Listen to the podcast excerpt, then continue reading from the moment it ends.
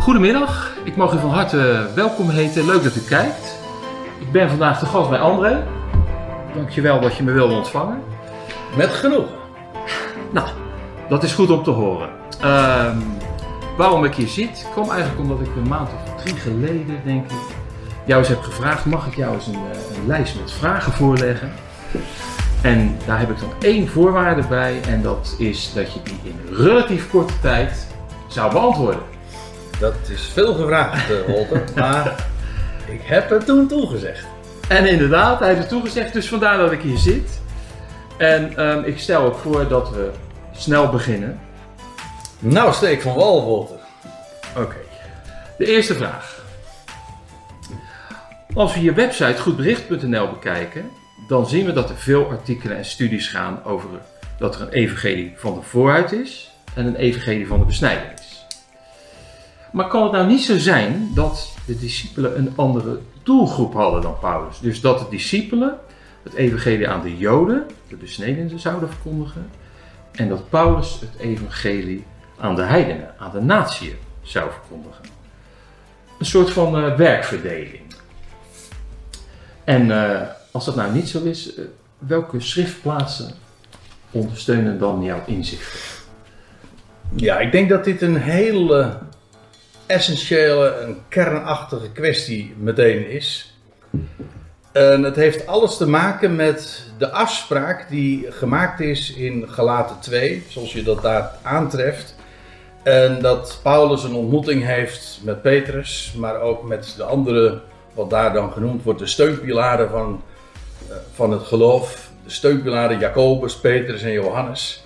En dan wordt er afgesproken dat Paulus en Barnabas naar de natie zouden gaan. En Jacobus, Petrus en Johannes, in die volgorde vinden we hun brieven ook in het Nieuwe Testament, naar de besnijdenis zouden gaan. En dat wordt meestal dan opgevat als puur een, een werkverdeling. Jullie daar naartoe en wij hier naartoe. En dat is ook wel zo. Maar het is denk ik veel meer dan dat. Want er is ook een verschil van boodschap. Het is, en dat is in de meeste moderne vertalingen wordt dat weg ge, wegvertaald. En dan wordt er gezegd van het evangelie aan de besnijdenis of aan Israël. Of het evangelie aan de natie. Maar het wordt echt duidelijk gesproken over dat aan Paulus het evangelie van de voorhuid. Dus van de onbesnedenen was toevertrouwd. En aan Petrus het evangelie van de besnijdenis. Dat was een boodschap gericht specifiek voor Israël. En terwijl Paulus een andere boodschap, niet andersoortig, maar wel een andere boodschap, met andere accenten, naar de besnijdenis bracht. Dus ik denk dat dat een heel uh, belangrijk punt is, omdat dat een, aangeeft dat er een verschil in accent, op zijn minst is, in boodschap. Paulus had andere dingen nog te melden dan Petrus en de zijnen. Heeft het ook te maken met dat Paulus uh, op een hele andere manier geïnformeerd is over uh, wat hij mocht brengen. Ja, ja dat is denk ik ook al een heel uh, wezenlijk verschil tussen, ja, als ik het even samen mag vatten, de twaalf, waar Petrus toch de exponent van is, en Paulus die daar niet van deel uitmaakte. Petrus of Paulus heeft nooit de Heer uh, hier op aarde ontmoet en heeft uh, heeft zijn bediening ook pas veel later gekregen, nadat de Heer als, al ten hemel was gevaren. En hij is geroepen in het buitenland. Een totaal andere, een totaal andere context, een heel andere roeping. En dat stempelt ook het verschil in boodschap. Het is dus de wijze waarop hij geroepen is, hoe hij geroepen is, waar hij geroepen is, wanneer hij geroepen is. Dat maakt ook zijn boodschap anders. Paulus wist meer. Het was ook een, een, in een latere fase van de ontwikkeling, nadat Israël eigenlijk al uh, de boodschap had afgewezen, uh, dat Paulus in de picture komt. Ik denk dat dat een. Uh, dat is trouwens ook wat Paulus in Galaten 1 dan weer beschrijft. Hoe hij zijn evangelie niet van een mens heeft ontvangen. Dus ook niet van Petrus of een van, van de twaalf. Nee, hij had het rechtstreeks van de Heer zelf vernomen. Niet alleen maar toen hij geroepen is op de weg naar Damascus, maar ook later is hij door de Heer zelf onderwezen. Dus vanuit de hemel. Ja. Ja, mooi als je de schrift toch inderdaad zo gedetailleerd gaat bekijken, dat je, dat je dit soort dingen dan eh, mag zien. Dus dat Paulus inderdaad een, eh, een andere roeping had dan Ja. de twaalf. Ja. En ehm, dat is mooi, dat is weer een bruggetje naar mijn tweede vraag. Is als Paulus nou een andersoortig evangelie mocht verkondigen, eh, waarom doopte hij dan? Hè, in het begin van zijn roeping, lees je dat? En heel in het begin van zijn roeping, ik meen handeling 13, genas hij ook mensen. Dat hoort dan toch bij het evangelie van de besnijdenis? Of ligt het wat genuanceerd? Nou, eerst eventjes nog een correctie op de, een veronderstelling in je vraag. Want je zegt, hij bracht een ander soort evangelie. En ik, dat is nu juist wat Paulus benadrukt in Galaten 1. Dat hij dat niet doet. Zijn evangelie is weliswaar anders, maar niet andersoortig. En dat, zijn, eh, dat komt in de meeste vertalingen ook niet goed uit de verf. Maar het, is, het zijn verschillende begrippen. Eh, Paulus maakt, benadrukt eigenlijk dat verschil ook heel duidelijk. Het is weliswaar anders wat hij vertelt, maar niet andersoortig. Het is namelijk een gemeenschappelijke bron en een gemeenschappelijke basis. eh, en de elementen van de gestorven en opgestane Heer vindt, is zowel fundamenteel in de boodschap van Petrus als in die van Paulus. Dus dat, fundamenteel is het hetzelfde, alleen het zijn andere accenten die daarin worden gelegd. Maar nu even, Oké, dat is nog dank voor de correctie. Ja. ja, dat was de correctie. En nou, dat andere punt, namelijk dat Paulus in de handelingentijd eh, nog eh, heel sterk ook gericht is op Israël. En ook trouwens aansluiting zoekt eh, bij de synagogen, maar ook vele concessies doet richting de Joden. En trouwens, wat je ook noemt, dat door zijn handen ook nog wonderbaarlijke genezingen plaatsvinden het heeft heel sterk te maken met die fase van de handelingentijd waarin God nog het bewijs aan Israël leverde dat het evangelie naar de natieën was gezonden. Aan het einde van het eh, boek Handelingen lees je dat Paulus dat eh, ook eh, daar in Rome zegt van ja, het zij u bekend dat dit, deze redding Gods, dit heil Gods naar de natieën is gezonden. En God heeft dat onder bewijs gesteld. Eigenlijk, God heeft bewezen dat de bediening van Paulus naar de natieën toe door hemzelf is ja, gecertificeerd en bewezen door die wondertekenen. Namelijk dat Paulus de apostel is die nu inderdaad bewees, bewees en bewij- eh, het bewijs geleverd heeft dat het evangelie eh, richting de natie is gegaan. En dat en toen eenmaal in handeling 28 de deur ook op slot ging voor Israël. Als natie dan. Oké. Ik denk dat dat Ja. eh, ook het bijzondere aangeeft van die fase in de historie. En na handelingen 28 breekt eigenlijk ook daarmee ook een nieuwe periode aan. Waar wij nu nog steeds in zitten. Ja. Oké, dankjewel. Ehm Paulus is een, een hele bijzondere apostel. Hè? Als, je, als je de Bijbel gaat bekijken, ehm, dan zie je dat hij een heleboel geheimenissen bekend heeft gemaakt. Heel wat. Die vooraf misschien verborgen in het Oude Testament stonden, maar onbekend waren.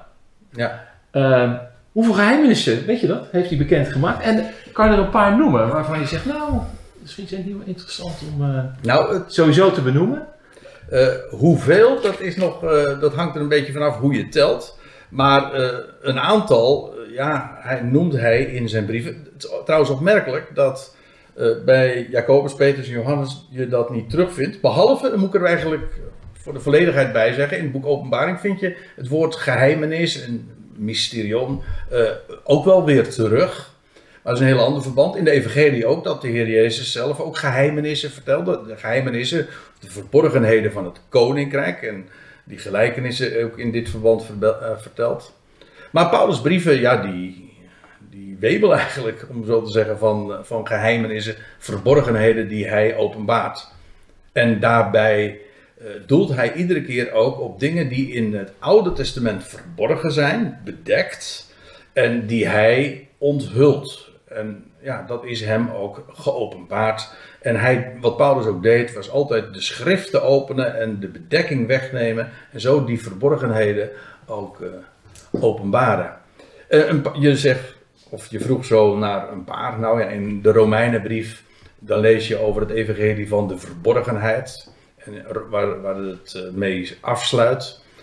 eh, zijn, waarmee zijn brief afgesloten wordt. Maar in Romeinen 11 ook dat hij spreekt over de tijdelijke eh, of en de gedeeltelijke verharding die nu over Israël is gekomen. Het heeft dus te maken met wat God nu, eh, dat is denk ik een he- heel eh, karakteristiek in al die geheimenissen die Paulus onthult. Het heeft te maken met de, de huidige tijdsframe eh, tussen de eerste en de tweede komst van Christus, waarin God een verborgen werk doet en waarin Israël tijdelijk terzijde staat. En dat noemt hij in Romeinen 11, maar hij spreekt in Efeze ook over het evangelie, de verborgenheid van het evangelie, over de, de, de verborgenheid van zijn wil. Ja, eh, Wat ik zelf altijd wel een, een mooie vind, is eh geheimenis van het huwelijk. Eh, ah, man en oh, vrouw. ja, eh. zeker. kan je daar iets Ja. over zeggen? Of Eh, ja, dat is, dat, is, gewoon. dat is Efeze 5. Dat is een schi- een schitterend voorbeeld, maar het illustreert het prachtig wat ik even kort aanstipte. Namelijk dat verborgenheden hebben te maken met dat wat in het Oude Testament al staat geschreven, maar waarin een verborgen betekenis ligt besloten. Nou, en dan in Efeze 5 eh, spreekt Paulus over, over het geheim van het huwelijk. En dan, eh, dan, dan verwijst hij naar Genesis 2, vers 24, over die twee zullen tot één vlees zijn. En dan zegt hij, dit geheimenis, dus daar in Genesis 2, vers 24, is groot, is mega. En hij zegt, "Want- en ik zeg dit met het oog op Christus en de Ecclesia. Dus die waarheid van dat ene vlees, dat ene lichaam, Adam, Eva, dat is eh, die waarheid. Daarin zit de, de waarheid van het lichaam van Christus al besloten, verborgen. Dus hij, Paulus verwijst naar het Oude Testament, omdat wat, eh, ja, wat daar allemaal in verborgen is. En dat geeft dus ook aan dat die Hebreeuwse Bijbel zo buitengewoon belangrijk is, juist om de verborgenheden te begrijpen.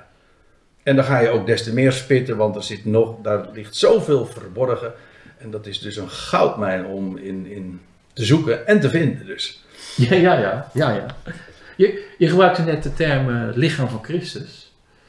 Volgens mij komt het niet bij de twaalf voor, die term. Klopt. Maar echt heel specifiek Ja, bij de dat is een Paulus. echt typisch Paulus ding. Ja, en eigenlijk is dat al, dat vind ik ook zo apart, dat dat eigenlijk al be, bepaald en vast ligt in, bij zijn roeping. Als eh, Paulus vervolgde de, de Ecclesia en dan wordt hij vervolgens op de weg naar Damascus geroepen en dan, dan vraagt dan vraagt de Heer vanuit de hemel, in een, in een oogverblindend licht, en dan, zegt hij, Saul, Saul, wat vervolg je mij?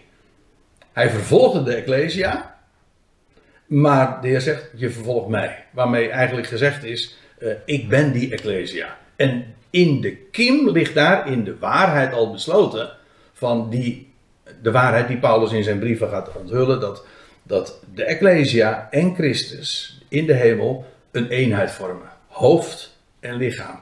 De bestemming van Christus daarboven is de bestemming van de Ecclesia. Ja, schitterende. Ja. Ik moet me aan mijn lijstje houden, maar ik zou, ik zou zo eh, drie of vier vragen eh, daarover kunnen stellen. Misschien de volgende keer. Wordt vervolg wellicht. Oké. Ehm, een iets andere vraag. Waarom leg je altijd de nadruk op dat het evangelie geen aanbieding is, maar een boodschap? Ja, eh, evangelie betekent inderdaad goed bericht. Ik heb mijn website daar ook naar vernoemd. Eh, een- een- of goed nieuws. Eh, je zou het op verschillende manieren kunnen weergeven. Maar het heeft inderdaad te maken met een boodschap, een mededeling. En ja, het wordt natuurlijk heel dikwijls, of eigenlijk in de christenheid, toch altijd gezien als een aanbod. Ja. En ja. maar genade is geen aanbod. Zo van, eh, ik bied jou deze pen aan, want dan kun je het weigeren en dat is niet van jou. Maar het is een mededeling. Ik zeg, deze pen is van jou. En of jij dat nou, ja, of jij, maar zelfs al zou je hem niet aanpakken, dan nog is die voor jou, want het is gewoon een mededeling. En of je het nou gelooft of niet, het blijft waar. De, het evangelie is een mededeling, God is jouw redder. En dat kan ik tegen al die miljarden mensen zeggen. En de meeste, als, ook als ze het niet weten, dan is het nog waar. En ook als ze het zelfs niet geloven, is het nog net zo goed Ja, waar. ja. En er zijn er velen eh, die het niet weten. Ja, het wordt ze ook niet verteld. En er zijn er ook nog eh, mensen die het niet willen geloven. En ja, dat is. eh, maar dat is vooral een religieus ding. Want mensen die niet willen dat God de redder is, want ja, dat zou maar makkelijk zijn. Ja. Dankjewel voor dit antwoord. De volgende vraag die ik voor je heb is deze. Ehm, waarom roep je nooit op in je studies om te kiezen voor de Heer en je leven aan Hem te geven? Ehm, en dat heeft misschien wel te maken met die vorige vraag. Daar was ik naar op zoek. Want een, bewuste keuze maken, dat is toch essentieel voor je redding? Ja, dat is dus eh, de versie die eh, in de christelijke wereld eh, eigenlijk eh, standaard is. eh, van jij moet kiezen en als jij niet kiest, ja, dan is het dus niet voor jou weggelegd. En dan is het, ja, zoals men dat dan voorstelt, traditioneel en van oudsher eh eeuwig wel goed of eeuwig wee. En dan komt het never nooit meer goed. En ja, de boodschap, het evangelie, is, eh, is, is een herautboodschap. Je, je, je, kan het, je vertelt het. En dat is ook precies waar Paulus toe geroepen was. Om, om, om het inderdaad te herauten. Om, de om het te, mede te delen. God is die de schepper is. Of je nou gelooft of niet. Hij is ook de rechter en de redder van deze hele wereld. Ja, en dat is waar, dat, wat mensen zouden horen. En wat mensen zouden, zich zouden realiseren.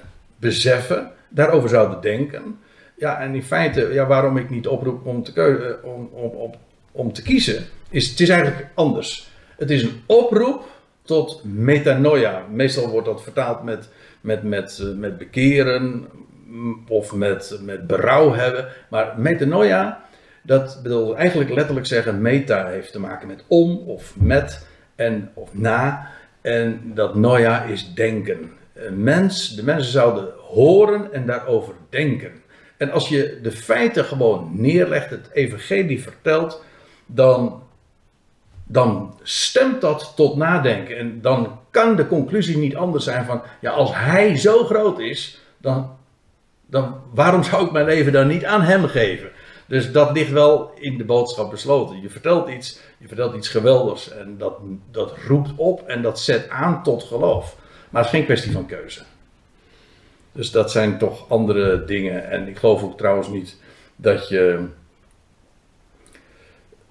dat je daar in, in de prediking iemand eh, mee aanzet. of dat je eh, iemand kan brengen tot een keuze. Oké, dus de, de essentie is, is je redder. Dat is de boodschap. Yes. En als eh, God het geeft, dan verandert hij je denken, waardoor je in dankbaarheid eh, mag zien op die gift die hij geeft, die genadegift. Amen. Ja.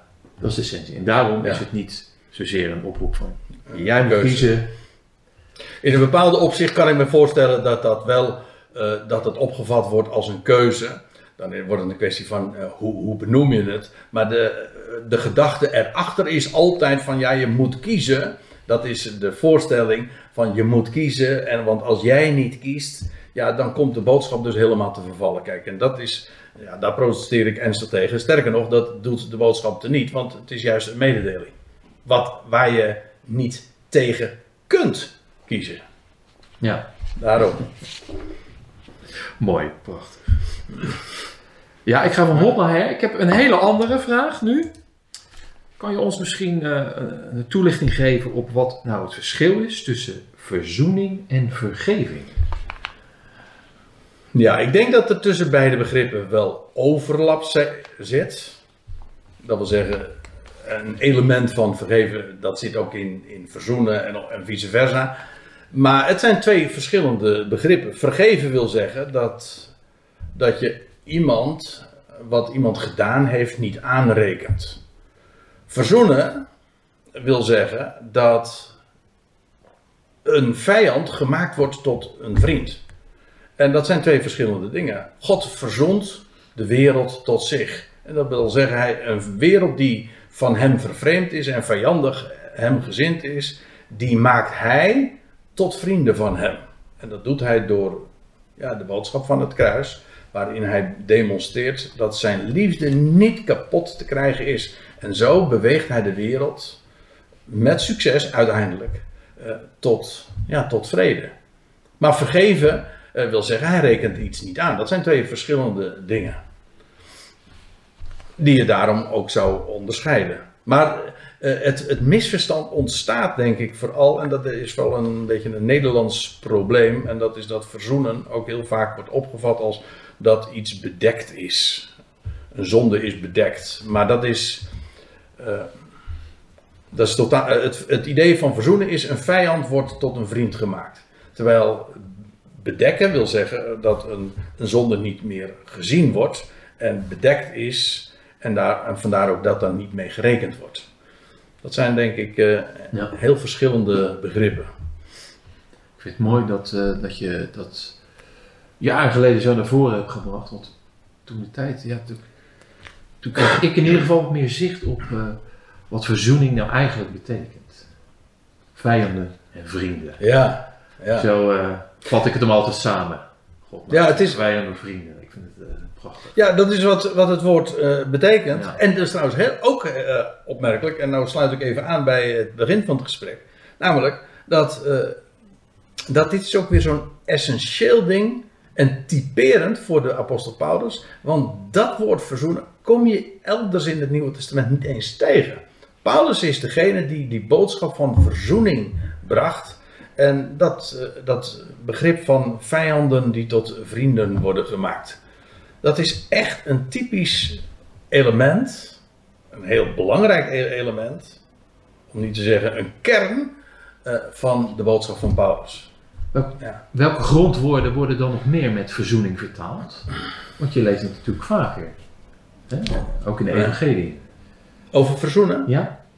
Uh, nou ja, maar dat is in onze, NBG, of, ja, in onze traditionele vertalingen is er een begrip als uh, dat wordt weergegeven uh, met verzoenen. Maar dan staat daar het, eigenlijk het Griekse woord hilasmos. Maar dat is, uh, niet, dat is niet verzoenen, maar dat is beschutten of bedekken.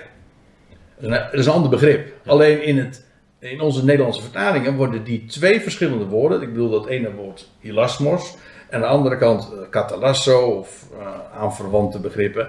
Die worden twee totaal verschillende woorden. Worden met één woord, Nederlands woord, weergegeven. Ja, dat is heel verwarrend, want ja. daarmee worden twee begrippen gewoon vermengd. Ik moet erbij zeggen, dat is vooral een, een Nederlands probleem. Want in de andere talen van andere moderne talen, Duits, Frans, Engels, uh, speelt dat niet. Die kunnen dat wel keurig uit elkaar houden. Dus uh, ja, dat is ons uh, Nederlands probleem. Ja. Oké, okay. prachtig, mooi. Um, de volgende vraag. En uh, daarvoor wil ik graag Gelaten 1, vers 3 en 4 lezen. En daar staat dit. Genade zij u en vrede van God onze Vader en van de Heer Jezus Christus, die zichzelf gegeven heeft voor onze zonden, om ons te trekken uit de tegenwoordige boze wereld naar de wil van onze God en Vader, aan wie de heerlijkheid zij in alle eeuwigheid. Amen. Het is genadetijd. Maar de schrift spreekt ook over een boze tijd, over een boze aion. Ingelaten 1 vers 4. Hoe moet ik dat nou zien? Is het nu een tijd van genade? Of is het een boze tijd? Of zit het toch nog anders? Kan je daar iets over zeggen? Nou, ik denk dat dat geen tegenstelling is. En uh, die, die boze wereld, uh, zoals dat in Galaten 1 vers 4 dan wordt weergegeven in de MBG-vertaling. En uh, de Statenvertaling is, uh, meen ik, niet wezenlijk anders. Maar eigenlijk wordt er eerst sprake van deze tegenwoordige boze Aion. En deze Aion is om allerlei redenen boos, maar ja, bijvoorbeeld karakteristiek voor deze Aion is dat, dat Satan de god van deze Aion ook is. En daarin al- als de overste van de macht der lucht deze wereld ook eh, betovert en beliegt en voor beduvelt om zo te zeggen. Maar dat, deze, dat nu genade heerst en dat dit ook de dag van genade is zoals Paulus dat noemt. Ik denk niet dat het een tegenstelling is. Sterker nog, ik denk dat het wezenlijk eh, hetzelfde is. Namelijk dat Kijk, God grijpt vandaag niet in. Genade heerst. Eh, Je leest dat in, in, eh, in Romeinen 5. Je leest ook over in, in de Hebreeënbrief over de, de, de troon van genade. God heerst vandaag in genade. Dat betekent dat hij grijpt niet in. Maar dat betekent dus ook dat deze wereld gewoon zijn gang kan gaan. Maar dat is nou typisch wat, eh, wat we inderdaad om ons heen zien. Deze Aion is aan zichzelf overgeleverd. Paulus zegt in Romeinen 1 ook. Dus hetzelfde, diezelfde brief waar hij spreekt over dat genade nu heerst. In Romeinen 1 zegt hij al dat hij de wereld overgegeven heeft in verwerpelijk denken. God laat deze wereld los in haar, in haar hele doen en laat, in haar denken. Hij grijpt daarin niet in. Maar dat is zijn genade. Maar in, die in diezelfde tijdsframe, in deze boze aion, ja, klinkt ook de boodschap van wie hij is en ja, de verzoening der wereld en ja, dat wat hij te melden heeft. Dus het is boos omdat de mens zijn gang kan gaan en het is goed en genade dat hij niet ingrijpt. Dus eh, dan zie je dus dat het niet zozeer is van is het nou het een of het ander. Het is beide en dat hangt ook samen. Het is misschien ook vanuit welk perspectief je het bekijkt. Precies. Ja, Dus vanuit eh, God. Eh, is het genade ja, en de wereld. Als, je dat aan, als de wereld aan, zich aan, aan zichzelf is overgeleverd. Ja, nou ja, daar hoef je niet veel van te verwachten. En eh, ik zou zeggen, kijk om je heen. En, en je ziet genoeg. Lees de krant. Niet te Ja. veel, want eh, daar word je meestal niet zo vrolijk van. zeker niet, nee. Even een hele andere vraag. Waarom vraag je nooit geld voor je studies? Ja, je moet toch ook leven? En bovendien zegt het woord in 1 Timotheüs 5: de arbeider is zijn loon waard. Nou, ik zou zeggen, Walter, eh, maak je geen zorgen over, eh, over mijn leven. Ik, dat doe je geloof ik ook niet hoor. Eh, maar het is een hele principiële keuze voor mij eigenlijk altijd al geweest. Al vele, nou ik mag wel zeggen tientallen jaren. eh, om onafhankelijk te zijn en nooit geld te vragen. En ik heb dat eigenlijk afgekeken, dus niet origineel, maar ik heb dat afgekeken van de apostel Paulus. Die het als een grote loon beschouwt. Dat vind ik heel leuk. eh, hij speelt daarin ook met woorden als hij dat beschrijft in 1 Korinthe 9. Als hij dat allemaal toelicht. Zijn, ja, zijn strategie, de waar, waarom hij werkte zoals hij werkte. Dat hij, hij bracht, staat er in 1 Korinthe 9, vind ik prachtig. eh, zoals hij het formuleert, want het is dubbelzinnig. Eh, hij, hij zegt, ik breng het evangelie om niet. En dat kun je opvatten als het, het evangelie, namelijk het evangelie om niet. Het, het is, God vraagt niks, hij geeft. Hij geeft puur, gratis en voor niks, en dus zonder tegenprestatie. Ja, maar dat is ook de wijze waarop Paulus opereerde en het evangelie bracht. Hij, hij vroeg niks. Ik moet er trouwens bij zeggen, hij, eh, bij gelegenheid werd hij ondersteund. Je leest dat eh, meerdere keren en daar nam die, maakte hij dankbaar gebruik van. Dat is, dat is een ander ding. Daar is ook niks op tegen, want het, het gaf hem de gelegenheid om meer tijd te spenderen aan, aan dat wat zijn eigenlijke kerntaak was. En zo sta ik er voor mezelf ook zo in. Maar hij vroeg principieel niets. Ja, en dat, is, dat, is, dat demonstreert precies de boodschap die hij uitdroeg. Namelijk, ik doe het om niet. Dus er is op zich niks tegen om, om eh, als arbeider eh, geld te vragen. Ja, maar in dit geval, het is het evangelie om niet. En het grootste voorrecht is juist om dat ook te mogen etaleren, te laten zien, te demonstreren van... Mensen, het is gratis en je hoeft er helemaal niente voor te geven.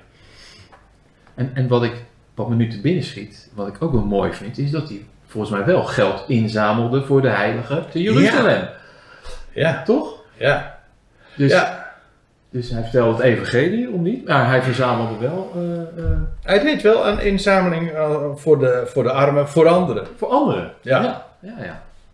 En ook dan, dan vroeg hij niet zozeer, maar dan, dan vertelde hij dan over de toestand van de armen daar in Jeruzalem. En als, hij beschouwde het ook als een voorrecht dat mensen daar ook betrokken in waren om daarvoor wat te geven. En dan ook van harte en zonder enige dwang. Ja, ja dat is uh, wel uh, heel kenmerkend voor zoals hij daar dan ook mee bezig was. Is trouwens ja. leuk, maar dat zal iedereen zal die ervaring hebben.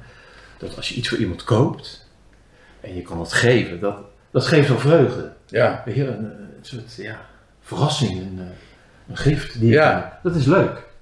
Ja, dat is genade. Maar dat is, dat is, kijk, het woord genade vind ik zo mooi. Charis, dat wil zeggen, dat is uh, het, het, Griekse woord zelf. Uh, bij ons heeft het een wat godsdienstige klank gekregen. Maar het is eigenlijk gewoon een gunst. Je, je krijgt iets en je hoeft er niks voor te betalen. Als je gezond bent, hè, of je, je geniet van een glas wijn of van de zon die opkomt. Ja, je krijgt dat zomaar en je mag daarvan genieten en maak je blij. Nou, dat is wat genade, dat charis is. Het, je krijgt iets en maakt je blij. Ja, en dat raakt je hart. En dat zet je hart ook weer in beweging om dat vervolgens uit te delen. Want er is niks heerlijkers. Het is geweldig om genade te ontvangen. Maar het is ook heerlijk om genade uit te delen. Om daarvan te spreken. En ja, ik ervaar dat zelf ook zo als je daarvan mag spreken. Je wordt, je wordt, er, al, je wordt er automatisch blij van. Dat kan niet missen. Mooi, ja. Geweldig, ja. Volgende vraag, André. Als God vrede met de wereld heeft, waarom oordeelt hij dan nog?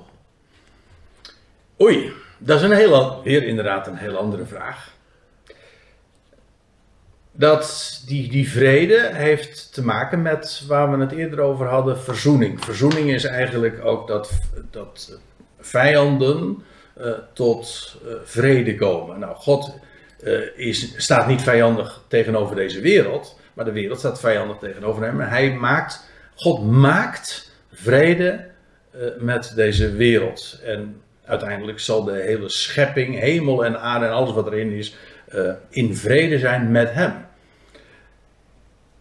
Maar uh, die, dat gericht waar je bijvoorbeeld over leest in, aan het einde van het boek Openbaring of in Openbaring 20 bij de grote witte troon dat is, maakt onderdeel uit van dat proces. De, het doelstel, de doelstelling is dat God vrede maakt en vijanden inderdaad verandert in vrienden. Maar in de weg daarnaartoe, in het proces, eh, confronteert hij met mensen met wie ze zijn. En ik denk ook als je dat in openbaring 20 leest, dat de, dat de doden eh, na de duizend jaren dan opstaan voor die grote witte troon. En dan staat er van, en de boeken gingen open en alle werken werden openbaar. En God confronteert daar de mens met wie hij is. Met, en, en zo zet hij de dingen ook recht door de waarheid te onthullen. En zo brengt hij mensen ook op de knieën. Dus oordelen is eigenlijk geen goed woord. Het is uh, meer een richten. Het is meer een ja. bewust maken van. Nou, ik denk op zich het woord oordelen is correct, want de Bijbel gebruikt in, dat ook in dit verband. Maar het, het uh, onthult niet het motief. Namelijk het, zet, het richten geeft aan het zet recht. Maar dat doet hij door de dingen aan het licht te brengen. Zoals een, een, rechter oordeelt en brengt daarmee dingen aan het licht. Maar dat doet hij om de dingen recht te zetten en, en, en eigenlijk uitdrukking te geven aan wat, wat zijn taak is, namelijk rechter zijn. om de dingen recht te zetten of recht te, terecht te brengen ook. Maar dat is, dat, dat is de doelstelling. Dus eh, verzoening, dat is het eindpunt. En gericht oordeel uh, maakt deel uit van het proces op weg naar uh, die eindbestemming. Ik denk dat dat uh, de verhouding tussen die twee is. En dan is hij erop gericht om zaken recht te zetten, dat zei je net al. En dat betekent dan, als ik het maar eventjes zeg maar samenvatten, dat God dan uiteindelijk ieder mens en ieder creatuur dan ook daar brengt waar hij wil. Precies, ja. ja. En uh, laat dat maar aan God over, want hij weet wat hij doet. Uh, dat is wat hij voor ogen heeft. En dat is wat zijn liefde wil bewerken. En ontzegt hem dus zijn vermogen niet. Daar is hij God voor. Ja, En dat is geweldig dat, dat, dat dat plan en die uitkomst al, voor, uh, al vaststonden voordat hij aanving met de dingen. Dat is, dat is geweldig dat we zo'n God hebben. Dat hij dus met recht de schepper is, die het allemaal bedacht heeft, tot stand heeft gebracht. En door middel van diepe dalen en diepe wegen en vervreemding en vijandschap. En dat hij alles ultiem ja, daar terecht brengt. Ja, dat kan er maar één verzinnen. Namelijk God. En en dat betekent dus dat God ook niet verrast wordt. Hè? Want je sprak over, God heeft een plan en dat voert hij uit. Maar het is natuurlijk niet zo dat hij dan halverwege verrast wordt door Nee. acties of eh, zaken die dan ineens nee zouden gebeuren. Hij heeft alles onder controle. En hij weet Dat is- precies waar het naartoe gaat. Amen. Ja, want dat is eigenlijk ook eh, wat hem God maakt. Hij is alwetend. En hoe zou een alwetende ooit verrast kunnen worden of eh, gefrustreerd kunnen raken over iets wat hij eh, anders gepland zou hebben? Dat, dat is een aanslag op zijn. en, en een ondermijning van de, wetenschap of het besef dat hij almachtig en alwetend is. Hij is werkelijk God. En in de er wordt soms mensvormig ook over God gesproken in de Bijbel. bij wijze van spreken, maar in de absolute zin. Hij is de God. En uit hem, door hem, tot hem is alles. Niets en niemand uitgezonderd. Ja, Dat is mooi. Met- Ja, geweldig, geweldig. Eventjes, ehm, misschien heeft zijdelings met oordelen te maken, maar je hoort wel eens de term eh, annihilatie. Ehm, kan je ons misschien meenemen van wat het is en waarom dat zo'n schadelijke leer is? Ja, de leer van de annihilatie eh, is een, een variant op de, de leer van de hellestraf. De leer van de hellestraf, zoals dat traditioneel eh, geleerd is in de, in de christenheid en nog steeds, eh, dat is dat de mens, de wereld, de ongelovigen, zoals men dat dan noemt, zullen worden geoordeeld en bewust tot in alle eeuwigheid, ook al zo'n onbijbelse term, maar goed, eh, tot in alle eeuwigheid eh, wordt eh, ge- gefolterd, gestraft, gepijnigd, in, in welke zin dan ook, of dat mentaal of fysiek of beide is. De leer van de annihilatie is een stuk vriendelijker, want die zegt: nee, dat is niet bewust. God vernietigt de mens. Annihilatie, daar zit het woordje nihil in. Hij, de, de mens of het creatuur wordt tot niets gemaakt, gewoon vernietigd. En dat betekent dus gewoon. eh, eh, het idee is dat de, wat de Bijbel de tweede dood noemt, eh, een annihilatie is, definitief. En, dus, de- er zit een element van waarheid in, want dood in, op, op zich is inderdaad ook annihilatie. Een mens is er dan niet. Een mens is er een tijd, sterft en dan is hij niet meer. Zo spreekt de Bijbel er ook over. En God noemt eh, bij de opstanding, roept God het niet zijnde tot aanzijn. Dus brengt hij het weer in bestaan, in existentie. Maar, eh, en de Bijbel spreekt over de tweede dood. En dat is inderdaad dat de mens eh, vernietigd wordt. Maar niet definitief. De dood, kijk, en dat is de, de, de ernst eigenlijk ook van het ver- verhaal van de annihilatie. Dat is, weliswaar is het een stuk vriendelijker dan de leer van de eindeloze hellestraf die bewust wordt ondergaan. Maar in deze leer van de annihilatie heeft de dood nog weer het laatste woord.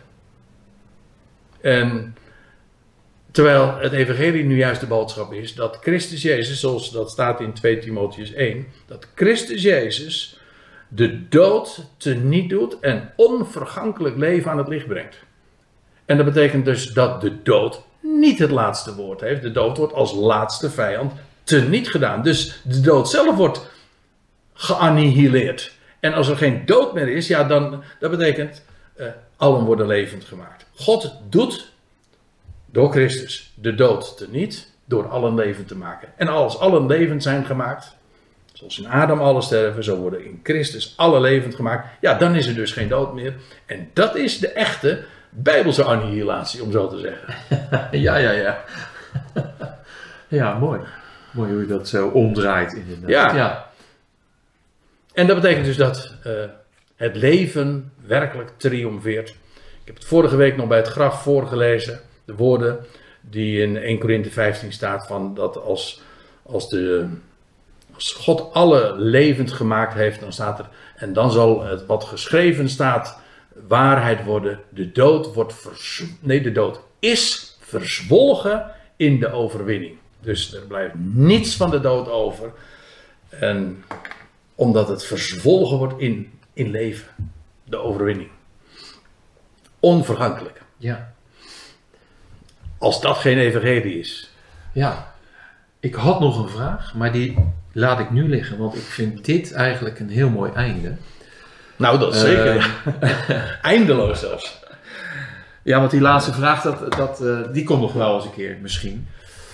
Eh, geweldig, wat een geweldig evangelie hebben we. Zomaar om niet gekregen. Prachtig. André, ik wil even hierbij laten. Ehm, misschien als de mensen kijken dat ze zeggen, nou ik, ik heb ook nog wel wat vragen, dan mogen ze die altijd eh, sturen. En misschien komt er wel een vervolg op deze sessie die we nu hebben gehad.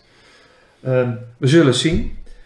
Ehm, mag ik hartelijk danken voor ja, ongelooflijke